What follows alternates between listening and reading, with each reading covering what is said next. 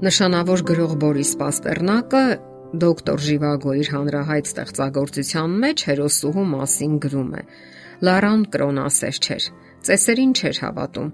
բայց կյանքը տանելի դարձնելու համար երբեմն պահանջ էր զգում ապրելու ներքին ինչ-ինչ երաժշտության ուղեկցությամբ։ Նման երաժշտություն անկարելի էր ամեն անգամ հորինել ինքնուրույն։ Այդ երաժշտությունը Աստծո խոսքն էր կյանքի մասին, եւ դրա վրա սքալու համար Լարան գնում էր եկեղեցի։ Յուրաքանչյուր մարդ անկախ իր կրոնական դավանանքից իր հոգում ունի Աստվածայինի զգացումը եւ բավարարում է իր հոգեվոր պահանջմունքները ամենատարբեր ձևերով։ Մեկի համար դա Աստվածաշնչի ընթերցանությունն է, մյուսի համար աղոթքները։ Ոմանք կանոնավոր գնում են այս կամ այն եկեղեցին, մյուսներն էլ հոգեվոր պահանջմունքների բավարարումը տեսնում են եկեղեցում մոմ վառելու եւ իրենց կարիքները Աստծուն ներկայացնելու մեջ։ Եվ այդ մարդկանց հատուկ է որոշակի օրենքների ենթարկվելը, դրանք պահելը։ Օրենքներ, որոնք համահունչ են իրենց խղճի թելադրանքին։ Օրենքների էությունն այն է, որ ցույց են տալիս աշխարի մեջ գոյություն ունեցող մեղքը։ Ահա թե ինչու անհրաժեշտ է օրենքը, որpիսի ճանաչենք եւ հեռու մնանք մեղքից, որpիսի խուսափենք մեղքից եւ իհարկե, որpիսի ազատագրվենք մեղքից Հիսուսի զորությամբ։ Ամեն ոք, ով իր եղբորն ասի մորոս, պարտական կլինի գեհենի կրակին։ 5 կտակարանում ուխտադրժողին մատնանշելու համար օգտագործվում էր հիմար բառը։ Նույն բառն է գործածվում նաև այն մարդուն բնորոշելու համար, ով անօրենություն է անում։ Հիսուսն ասաց, որ եթե մեկը իր եղբորը դատապարտում է իբրև ուրացող կամ աստուն արհամարող, ապա դրանով ցույց է տալիս, որ ինքն է արժանի նման դատապարտման։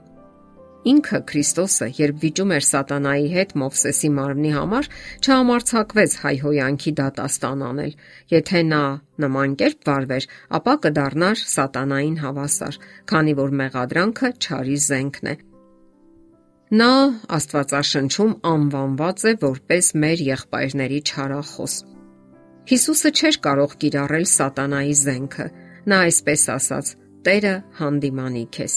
Հիսուսը մեզ համար կյանքի օրինակ է։ Երբ մենք պայքարում ենք Քրիստոսի ճշնամիների դեմ, չպետք է նրանց դաժանորեն մեղադրենք։ Նա, ով Աստծո սուր հանդակն է, չպետք է արտաբերի այն խոսքերը, որ նույնիսկ երկնքի վեհապարությունը չօգտագործեց, երբ վիճում էր սատանայի հետ։ Մենք պետք է դատաստանի ու դատապարտման գործը հանձնենք Աստծուն։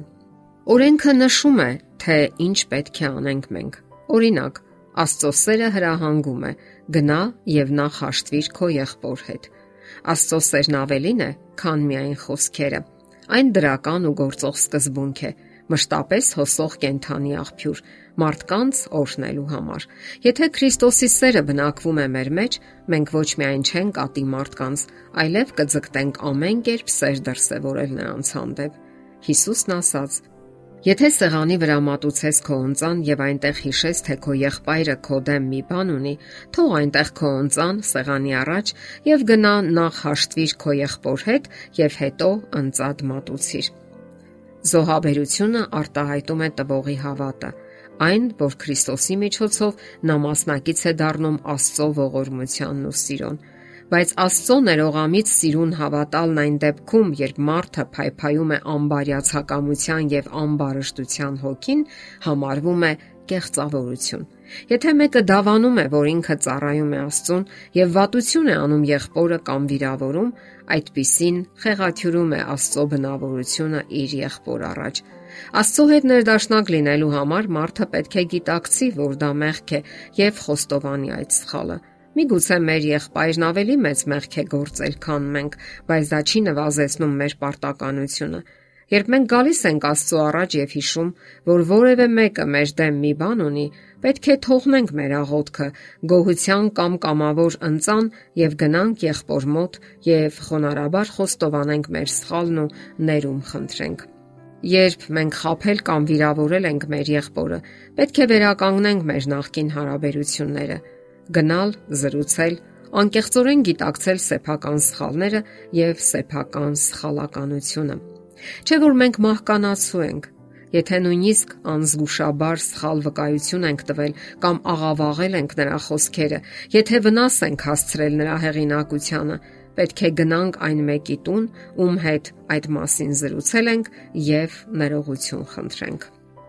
Աստծո խոսքը նաև այսպես է ասում. Եթե մեկը կնոջը նայի նրան ցանկանալու համար, արդեն նրա հետ շնացավ իր սրտի մեջ։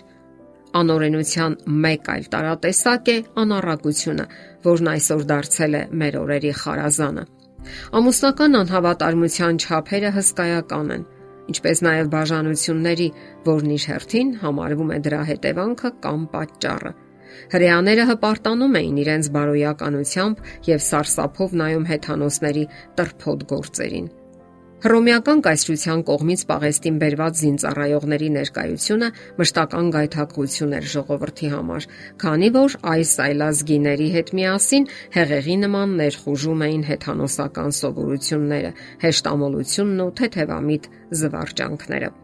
Կափառնայումում հռոմեական պաշտոնյաներն իրենց անառակ սիրուհիների հետ մշտապես հաճախում էին զբոսավայրեր, եւ հաճախ նրանց խրախճանքի ձայները խանգարում էին լճի անդորը, երբ նրանց զվարճալից նավակները լողում էին հանդարտ ջրերի վրայով։ Ժողովուրդը սպասում էր, որ Հիսուսը խստորեն կդատապարտի այդ կարգի մարդկանց, բայց որքան մեծ էր նրանց զարմանքը, երբ նրանք լսեցին իրենց սեփական սրտերի չարությունը բացահայտող խոսքեր որովհետև ավելի հեշտ ու հարմար է թաքցնել սեփական անօրենությունները եւ կենտրոնանալ ուրիշների մեղքերի վրա, ինչը եւս համարվում է օրենքի խախտում։